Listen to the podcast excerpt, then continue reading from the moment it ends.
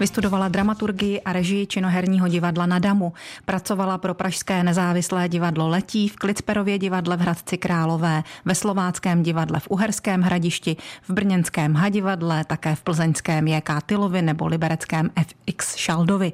Od roku 2018 je uměleckou šéfkou činohry jeho českého divadla. Martina Šléglová, náš dnešní dopolední host. Vítejte, dobrý den. Dobrý den. Tak tedy, co dělá takový šéf divadelního souboru? Vybírá si herce, repertoár, obsazuje role, co dělá?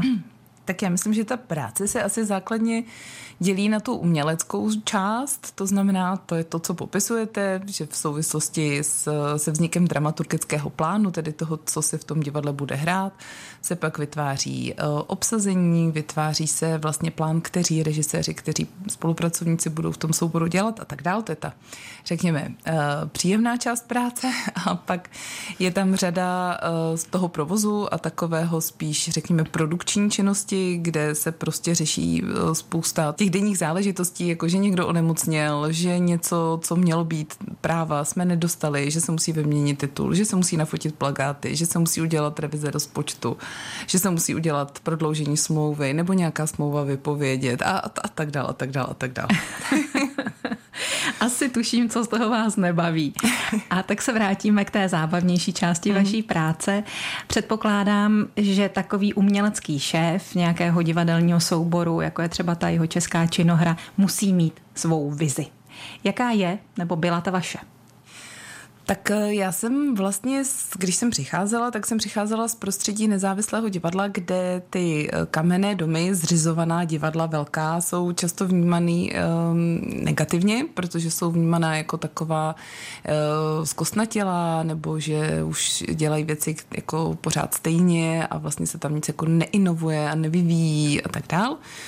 A jedním z důvodů, proč eh, jsem tu nabídku ráda přijala, bylo to, že tady byl ředitelem Lukáš Průdek, což pro mě byla taková jistota, že eh, nepřijdu do podobně řízeného domu, ale že bude právě prostor pro to snažit se tu instituci posouvat směrem k 21. století a k tomu, co by to divadlo mělo ideálně teda pro tu svoji komunitu, pro to město být dneska a ty trendy jsou takové, že vlastně už by to nemělo být jenom takový ten zlatý dům, který se otevře na pár hodin večer, aby jako přijel diváky, nakrmili nějakým uměním a hned je zase vyhodil, ale že to vlastně má být eh, nějaká instituce, která jako živě v tom městě jako působí, funguje, eh, dělá spoustu dalších aktivit, třeba vzdělávacích, nějakých jako seberozvojových, věnuje se rozvoji publika, aby vlastně to divadlo nebylo jenom pro někoho, ale aby vlastně pokud eh, to jde co nejvíc největší část toho města, těch obyvatel a toho přilehlého okolí, protože samozřejmě jeho české divadlo není jenom městské divadlo, protože je zřizované městem, ale ta jeho působnost je mnohem širší, tak aby vlastně co největší část těch lidí měla pocit, že v tom divadle nebo někde jinde, kde to divadlo hraje, protože to divadlo také nemusí hrát jenom v divadle, uh, najde program, který ho může zajímat, který je pro ně nějak relevantní, který prostě nějak vypovídá o tom, co oni žijí a o tom, co chtějí vidět. A to si myslím, že je hrozně důležité, protože dřív eh, tradičně ta divadla jako byla takovou tou zábavou pro tu jako vzdělanou, ekonomicky lépe situovanou vrstvu. A myslím si, že tohleto dědictví si sebou pořád jako neseme, že spousta lidí má prostě pocit, že to divadlo je buď jako moc staré pro ně a mají pocit, že se jako víc pobaví, když si pustí Netflix. A pak jsou překvapení, když vlastně zjistí, že v tom divadle se jako dějou i nějaké věci, které ten Netflix třeba připomínají. A nebo mají pocit, že to je jako pro ty vzdělané, bohaté, to není pro nás, to, my tomu nebudeme rozumět a museli bychom se tam nějak oblíkat a to vlastně vůbec nevíme proč a tak. No už se mi stalo, když jsem někoho se snažila nalákat, aby šel se mnou do divadla, že zakroutil očima. Povedlo se vám za těch pět let ve funkci něco změnit, kdybyste tím úvodním schrnutím měla říct, co jste proměnila, posunula nebo v čem jste vyprofilovala tu scénu? Tak my teď jsme aktuálně ve fázi, kdy uh, ten repertoár když mluvím teda za činohru, máme rozdělený na tři části. Jedno je to, co děláme ve velkém sále, v hlavním sále jeho českého divadla a tam se vlastně snažíme oslovit ty diváky, kteří chtějí opravdu jako přijít v těch hezkých šatech, uh, dívat se na nějaká taková jako větší témata, ve smyslu, že dostanou ten příběh, že dostanou, řekněme, i tradičnější zpracování většinou, že dostanou nějaké žánry, i třeba jako komedie, muzikál a tak dál. A pak máme tu malou scénu, půdu, eh, kde se naopak to snažíme profilovat úplně jinak. Říkáme, že to je ten Netflix divadelní náš, eh, kde můžete přijít klidně v tom, v čem přijdete z práce nebo ze školy, je to úplně jedno, nikdo na vás nebude koukat divně, můžete si tam sebou vzít pití nahoru a můžete si vlastně udělat jako pohodlí a věnovat se něčemu, co je řekněme méně mainstreamové v tom dobrém slova smyslu. Pokud tam dostanete komedii, tak to nebude úplně tradiční komedie, pokud tam dostanete drama, bude to na nějaké jako vysloveně současné téma, které třeba tou společností nějak hýbe, taky tam máte šanci zažít nějaký trochu jiný jako přístup k té divadelní formě a tak dál. Takže to jsou takové klubové projekty. No a pak máme celou řadu takových projektů, kterými jako vylízáme ven z toho, z našeho divadla a to je strašně široká škála, ať už je to otáčivé hlediště v Českém Krumlově, které, řekněme, oslovuje opravdu naprosto neuvěřitelně široké spektrum diváků, kteří třeba by do normálního divadla vůbec nepřišli, vůbec by to nenapadlo, ale na to otáčku jako přijdou a mají to rádi a chodí tam až přes projekty, které třeba děláme, různé imerzivní projekty. Například jsme teď dělali ve spolupráci s pivovarem Samson loni a vlastně letos jsme v tom pokračovali pro velký úspěch. Bojovku. Uh, bojovku, takovou, nebo jako my tomu říkáme divadelní uniková hra, mm-hmm. kde diváci jsou v malé skupině a soutěží vlastně dvě skupiny spolu v interakci s herci, ale vlastně hlavně hodně jako samostatným pátráním v tom pivovaru se snaží dopátrat nějakého detektivního příběhu vlastně. A jsou tak oblíbené tyhle ty vaše eh, výstupy mimo kamenné divadlo, že skoro nelze se na ně dostat. Ano. to je Nepo- naše zkušenost. Nepovedlo se mi to, taky bych byla bývala ráda, zažila tu bojovku. Vrátíme se k těm zážitkům divadelním s naším dnešním dopoledním hostem Martinou Šléglovou, uměleckou šéfkou činohry jeho Českého divadla. Jak už bylo řečeno, od roku 2018 vede Martina Šléglová, náš dnešní dopolední host činohru jeho Českého divadla.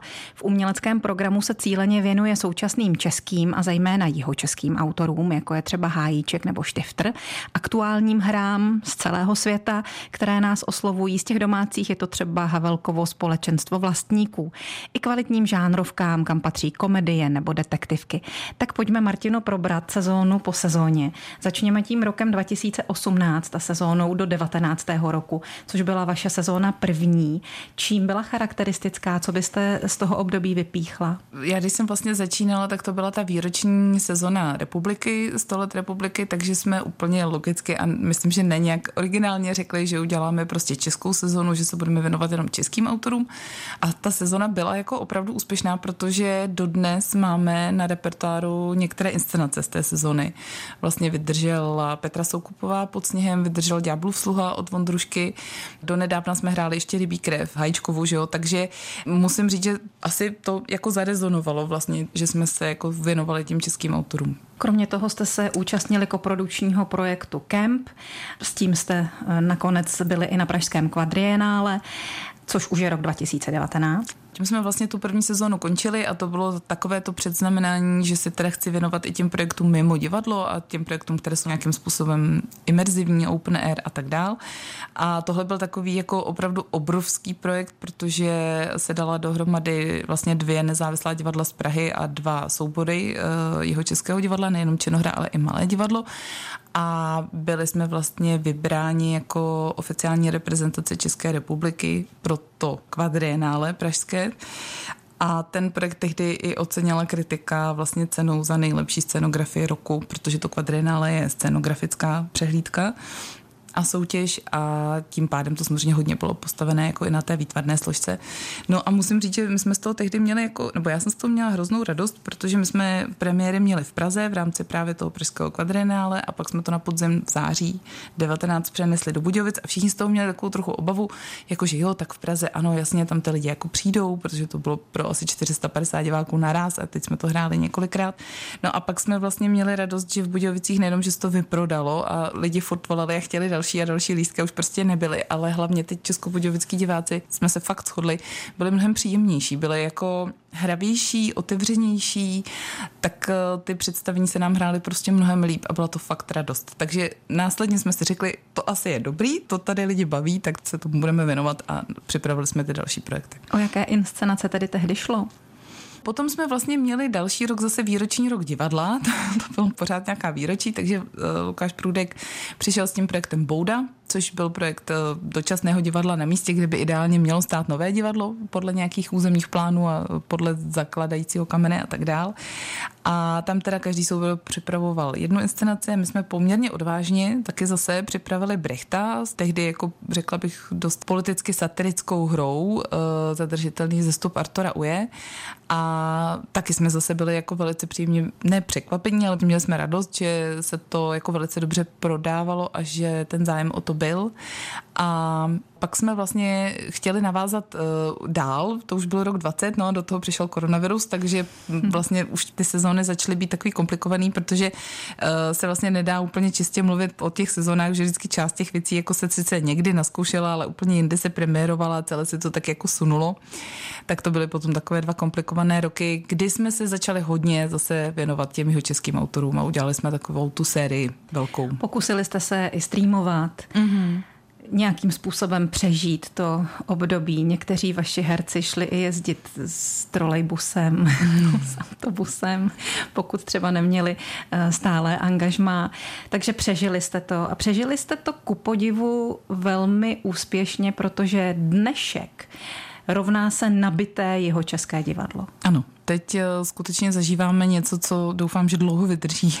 To je opravdu velká radost, protože hm, skutečně se ty lístky jako vyprodávají měsíc a půl dopředu a vlastně jedeme na takové vlně, že eh, se vlastně nemusíme úplně obávat eh, nasazovat i náročnější věci, protože prostě ty diváci přijdou a přijdou opakovaně a je to opravdu radost. Tak o té radosti budeme mluvit dál s Martinou Šléglovou, která je dnes dopoledním hostem Českého rozhlasu České Budějovice.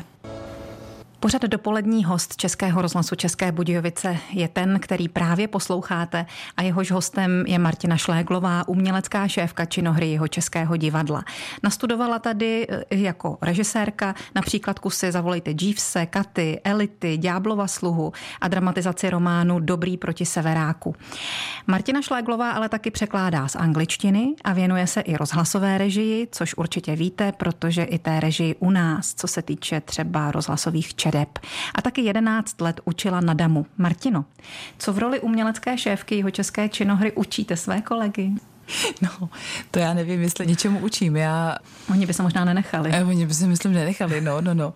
Ale nevím, tak eh, samozřejmě, že ta jako práce pedagoga se může hodit i pro tu práci toho uměleckého šéfa v tom smyslu, že třeba dáváte prostor nějakým mladším kolegům a součástí té práce je, že samozřejmě nějak tu jejich práci sledujete, komentujete, ne, že byste něco vyučovali, ale dáváte jim nějakou zpětnou vazbu a já se vždycky snažím, ono taky v tom provozu toho času není tolik, ale vždycky se samozřejmě snažím vidět nějakou hlavní zkoušku, dát nějakou zpětnou vazbu, pak vidím třeba ještě generálku premiéru pak chodíme na nějaký oběd, kde si to tak jako evaluujeme, bavíme se o tom procesu a musím říct, že jsou to hrozně zajímavé a obohacující rozhovory, myslím tím i pro mě, protože je vlastně hrozně zajímavé. Oni režiséři se spolu málo kdy jako, myslím, povídají, jo? ono je to takové trošku samotářské povolání a myslím si, že je hrozně fajn, když eh, spolu vlastně můžou dva režiséři, třeba i trans nějakou generaci sdílet nějaké jako svoje dojmy, pocity z té práce, nějaké postupy, nějaká traumata často, velmi často člověk zjistí, že vlastně to, co má pocit, že jako řeší jenom on, tak řeší jako asi víc lidí v té pozici. Takže se mu uleví. No, takže se mu trochu uleví. Ano, je to taková jako terapie, ale já si myslím, že tohle je hrozně fajn a ono to s tou pedagogickou prací na umělecké škole vlastně souvisí, že tam taky člověk nevyučuje žádná, teda většinu času nevyučuje žádná tvrdá data, ale vlastně spíš jako se snaží nějakým způsobem být partnerem v nějakém kreativním procesu a komentátorem, nějakým zrcadlem tomu studentovi a tak dál, což je vlastně hrozně fajn, když se potom děje i v té praxi a je škoda, že na to není vlastně víc času. A vy jste teď na to trošku narazila. Co jste se za těch pět let ve funkci naučila naopak vy? Tak, naučila jsem se určitě víc takové ty dovednosti jako práce se souborem, protože já jsem vlastně nikdy předtím v souborovém, nebo pracovala jsem chvíli v souborovém divadle jako dramaturg, ale to bylo krátce jenom rok. Prakticky jsem k těmhle tématu nepřišla. To si myslím, že jako je to opravdu rozdíl, když máte soubor, když vytváříte nějakou skupinu lidí, kteří spolu mají dlouhodobě pracovat a mají se nějak rozvíjet. To je, myslím, velká odpovědnost a souvisí s tím určité dovednosti, jako hodně i komunikační a obecně manažerské, které je potřeba se vlastně naučit, protože uh, to tak nějak se jako na škole nedozvíte. Ano, ano, je to potom k té práci opravdu hodně potřeba. Ano, ano. Včera jsem šla přes město, přes centrum a potkala jsem dívku, která vám byla podobná. Nejenom, že jste měli podobnou postavu, podobnou tvář, ale ona byla i oblečená tak, jak byste se oblékla vy tak jak vás znám trošku. A u toho mě napadlo, že existují jakési typy lidí, jakési skupiny lidí, které se tak nějak nezávisle na sobě podobně chovají, podobně oblékají, podobně mluví, podobně volí slova, mývají často i podobně zabarvený hlas a volí třeba eh, obdobná vyjádření a mývají třeba i stejnou intonaci hlasu. S tím se vlastně v hereckém prostředí dost pracuje. Je to tak? Asi ano, já teď jako vlastně, tak určitě herci jsou hodně je obsazování podle toho, jaký psychofyzický typ jsou, co jako vyzařují. A někde to může být i trochu problém, že jo, když se to potom pořád opakuje. Hmm. A oni se potom už cítí, že jsou v nějaké škatulce a vlastně se úplně necítí, jako, že by se rozvíjeli a, a tak. Ale zároveň si myslím, že herci s tím pracují, když, ale to je asi otázka, která by spíš právě měla jít na některého z hereckých kolegů, že s tím pracují, když hledají nějaký jako předobraz postavy, tak uh, jsou herci, kteří se hodně dívají okolo sebe a vlastně jako načítají si ty lidi, které potkávají, jako načítají si jejich způsob chování, jejich vyzařování, jejich pohyb, jejich intonaci, jejich hlas a pak vlastně tady z toho materiálu jako vytváří vlastně ty postavy. A někdo to dělá víc, že jako víc je variabilní a víc rád se jako proměňuje v té roli.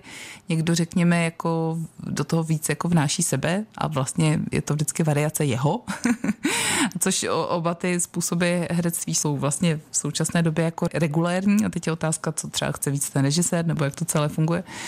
Ale určitě ano, určitě to každý známe, že jsme potkali člověka a říkali jsme si, je, ten by si rozuměl s tím a s tím, protože nám ho jako nějak připomíná, nebo prostě máme pocit, že tam je nějaká podobná energie. Hmm. A tak tedy, do jaké role byste obsadila sebe, na co byste se nejvíc hodila? Jo, to já vůbec nevím, protože já si myslím, že tuhle tu věc jako právě člověk těžko posuzuje zevnitř. Že to je vlastně něco, co musí přečíst jakoby to okolí a ono to potom nějak dává najevo zase zpátky. Ale já musím říct, že já se celoživotně potkávám s tak extrémními reakcemi na svoji osobu, že vlastně nevím. Někdy mám pocit, že mě mají lidi rádi, že jsem jim sympatická a vím, že jsou lidi, kteří mě úplně nesnášejí. A um, je to jako, nevím, tak si myslím, že to asi záleží hrozně taky na těch okolnostech, za kterých se člověk s někým potká. A, um, a taky tak. na tom, jaký typ jste zrovna potkala vy. to taky. Vaše role se nicméně mění a o tom budeme mluvit za chvíli s Martinou Šléglovou, dopoledním hostem Českého rozhlasu České Budějovice. Nejrůznějších rolích tady mluvíme s Martinou Šléglovou, naším dnešním dopoledním hostem a teď se dočkáme informace, která je zásadní. Čeká vás totiž velká změna. Od ledna roku 2024 se stanete ředitelkou jeho českého divadla. Jaké okolnosti výměny na ředitelském postu tedy vlastně jsou nebo byly? To vzniklo samozřejmě z rozhodnutí Lukáše Prutka odejít. On vyhrál konkurs na ředitele Davidského divadla v Praze, takže eh, nám vlastně oznámil na podzim, že zhruba za rok a něco bude tu funkci opouštět.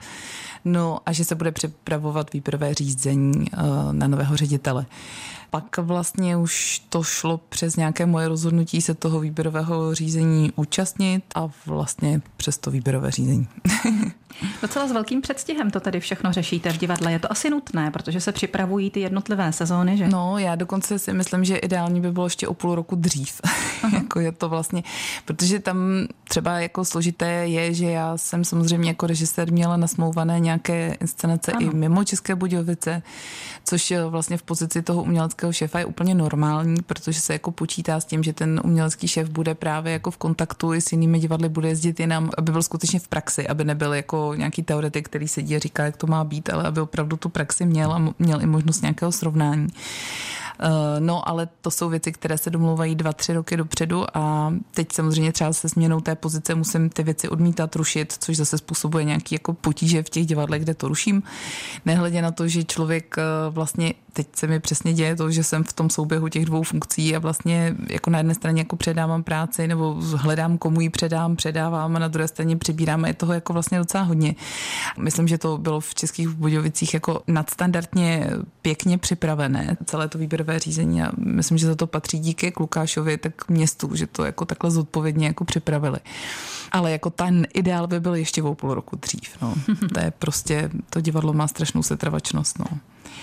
Možná nečekaně jste v dějinách jeho českého divadla už druhou ženou, nebo budete druhou ženou na ředitelském křesle. Tou první byla Monika Jeřábková ve 30. letech minulého století. Právě ona angažovala doktora Stejskala, který dal divadlu řád a taky divadelní ulici jméno. S čím přicházíte Martinovi?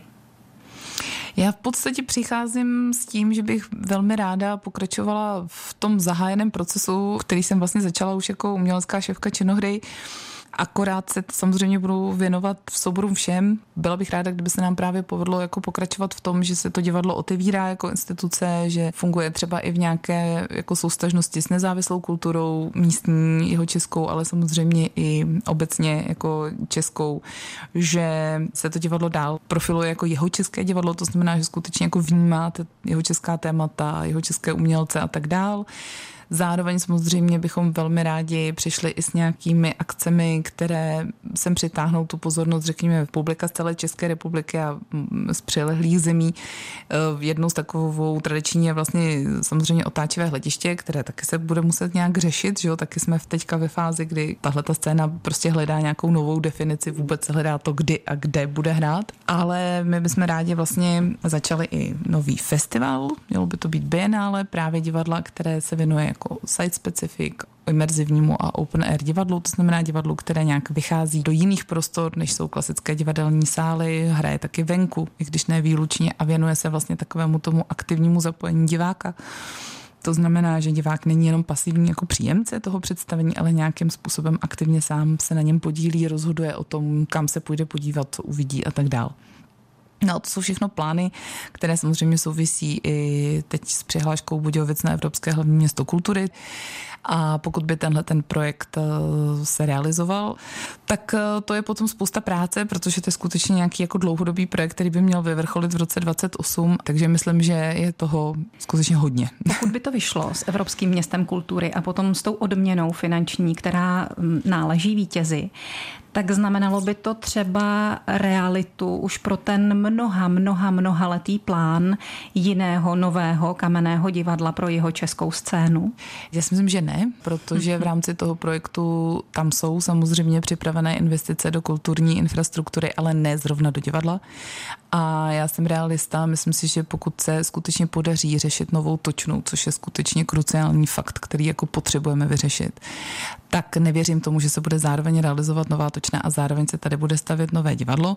Ale e, na druhou stranu ta situace tady v Budějovicích s těmi divadelními budovami je kritická a nějakým způsobem se nějaké řešení bude muset hledat. Byť eh, to třeba nebude znamenat, že se tady příští rok jako začne stavět, ale něco se dít musí. Tak je to podobné jako s tou točnou, kde si myslím, že to řešení probíhá pět minut po 12. a uvidíme, doufáme, že to všechno dobře dopadne a že teda se podaří to řešení najít tak, aby nemusela ta točna být omezena. Protože i ta točna je prostě vyprodaná a diváci by asi nechtěli, aby těch lístků bylo ještě méně, než je jich teď. Tak doufám, že se nedostaneme do podobné kritické situace, že by se třeba muselo zavírat divadlo tady. Prostě jsou to nějaké věci, které jsou teď eh, potřeba řešit a uvidíme, jak se domluvíme. Říká nová budoucí šéfka jeho českého divadla Martina Šléglová. Na židli pro dopoledního hosta Českého rozhlasu České Budějovice sedí dnes Martina Šléglová, divadelní a rozhlasová režisérka, dramaturgině, umělecká šéfka činohry jeho Českého divadla a zanedlouho i jeho ředitelka všech čtyř souborů, které pod jeho České divadlo patří. Takže do chvíle, než se nastěhujete do té kanceláře ředitele Martino, co se tedy do té doby odehraje? Na přelomu srpna září nás čeká ženy Jindřicha 8., což je vlastně inscenace, která je skutečně takové rodinné stříbro, protože ona měla premiéru před 19 lety. Nehraje se samozřejmě každý rok, ale vrací se, myslím, že teď je to asi šestá nebo sedmá sezóna, kdy se hraje a skutečně ty počty repríz už jsou jako nad stovkou a tak. A stále vlastně ty diváci dávají na jeho zájem, prostě téměř tam ještě zbývají tam nějaké nějaký jako poslední lístky na září, ale jinak už je to celé vyprodané. Takže z toho máme samozřejmě radost a těšíme se na to. Potom eh, se začneme zase postupně vracet zpátky do Budějovic. Nejdřív zase bude série té naší bojovky a bude společenstvo vlastníků na Vltavě. Na společenstvo ještě nějaké lístky jsou, bojovka už je vyprodaná. A, a pak uh, už i na konci září vlastně začneme hrát zase jako v budově, protože ono to vždycky chvilku trvá, než se vlastně z toho otáčka převeze technika a než se to celé vlastně zase jako nastěhuje zpátky a ta budova se zprovozní, protože to je pořád ta jedna technika. Jo? Ano, oni to nejsou jenom ty divadelní soubory nebo ty čtyři soubory, které ano, jsme zmiňovali, ano, ano. ale je to i spousta věcí, které se týkají toho zázemí a toho aparátu. Podzimní část sezóny potom tady v kamenném prostředí jeho českého divadla bude jaká? Čekají nás nějaké premiéry? Čekají nás eh, na podzim, teda co se týče činohry, eh, když mluvím za činohru, dvě premiéry a to bude ve Velkém sále eh, podivné odpoledne doktora Zvonka Burkeho, taková ta česká klasika, v režii Januše Klimši, komedie, taková ta groteskně lehce hororová komedie, velice oblíbená, tak to věřím, že diváci přivítají. A potom nás čeká site specific projekt, který budeme dělat zase tentokrát ve spolupráci s pivovarem Budvar v pivnici Malého pivovaru. To je vlastně současná česká komedie, přímo napsaná pro jeho české divadlo. Napsala ji autorka Tereza Věrecká a je to o tom, jak eh, tam gasti Budvaru zachraňovali Budvar. Dobře. Jmenuje se to Velká vodní loupež, tak to taky zvu. tak se budeme těšit. No a na závěr otázka, kdo nahradí v té funkci umělecké eh, šéfky činohry Českého divadla vás? My jsme domluveni teďka, že to za mě přebírá eh, dramaturgině, šéf dramaturgině Olga Šubertová, která doufá, že to nebude dělat dlouho, takže samozřejmě jsme v nějakém fázi výběru potom toho dalšího uměleckého šéfa, ale teď, protože to musí jít opravdu rychle a Olga je prostě zkušený člověk, který může jako ze dne na den vlastně přijít a tu práci začít dělat dělat, tak se mi díky bohu ukecala, že to udělá. Takže chvíli to bude Olga Šubertová. Tak děkujeme za to, že jste byla dnes dopoledním hostem Českého rozhlasu České Budějovice. Pozdravujte v divadle. Právě o divadle jsme si povídali s Martinou Šléglovou. Mějte se hezky. Taky, nashledanou, děkuju. Naslyšenou.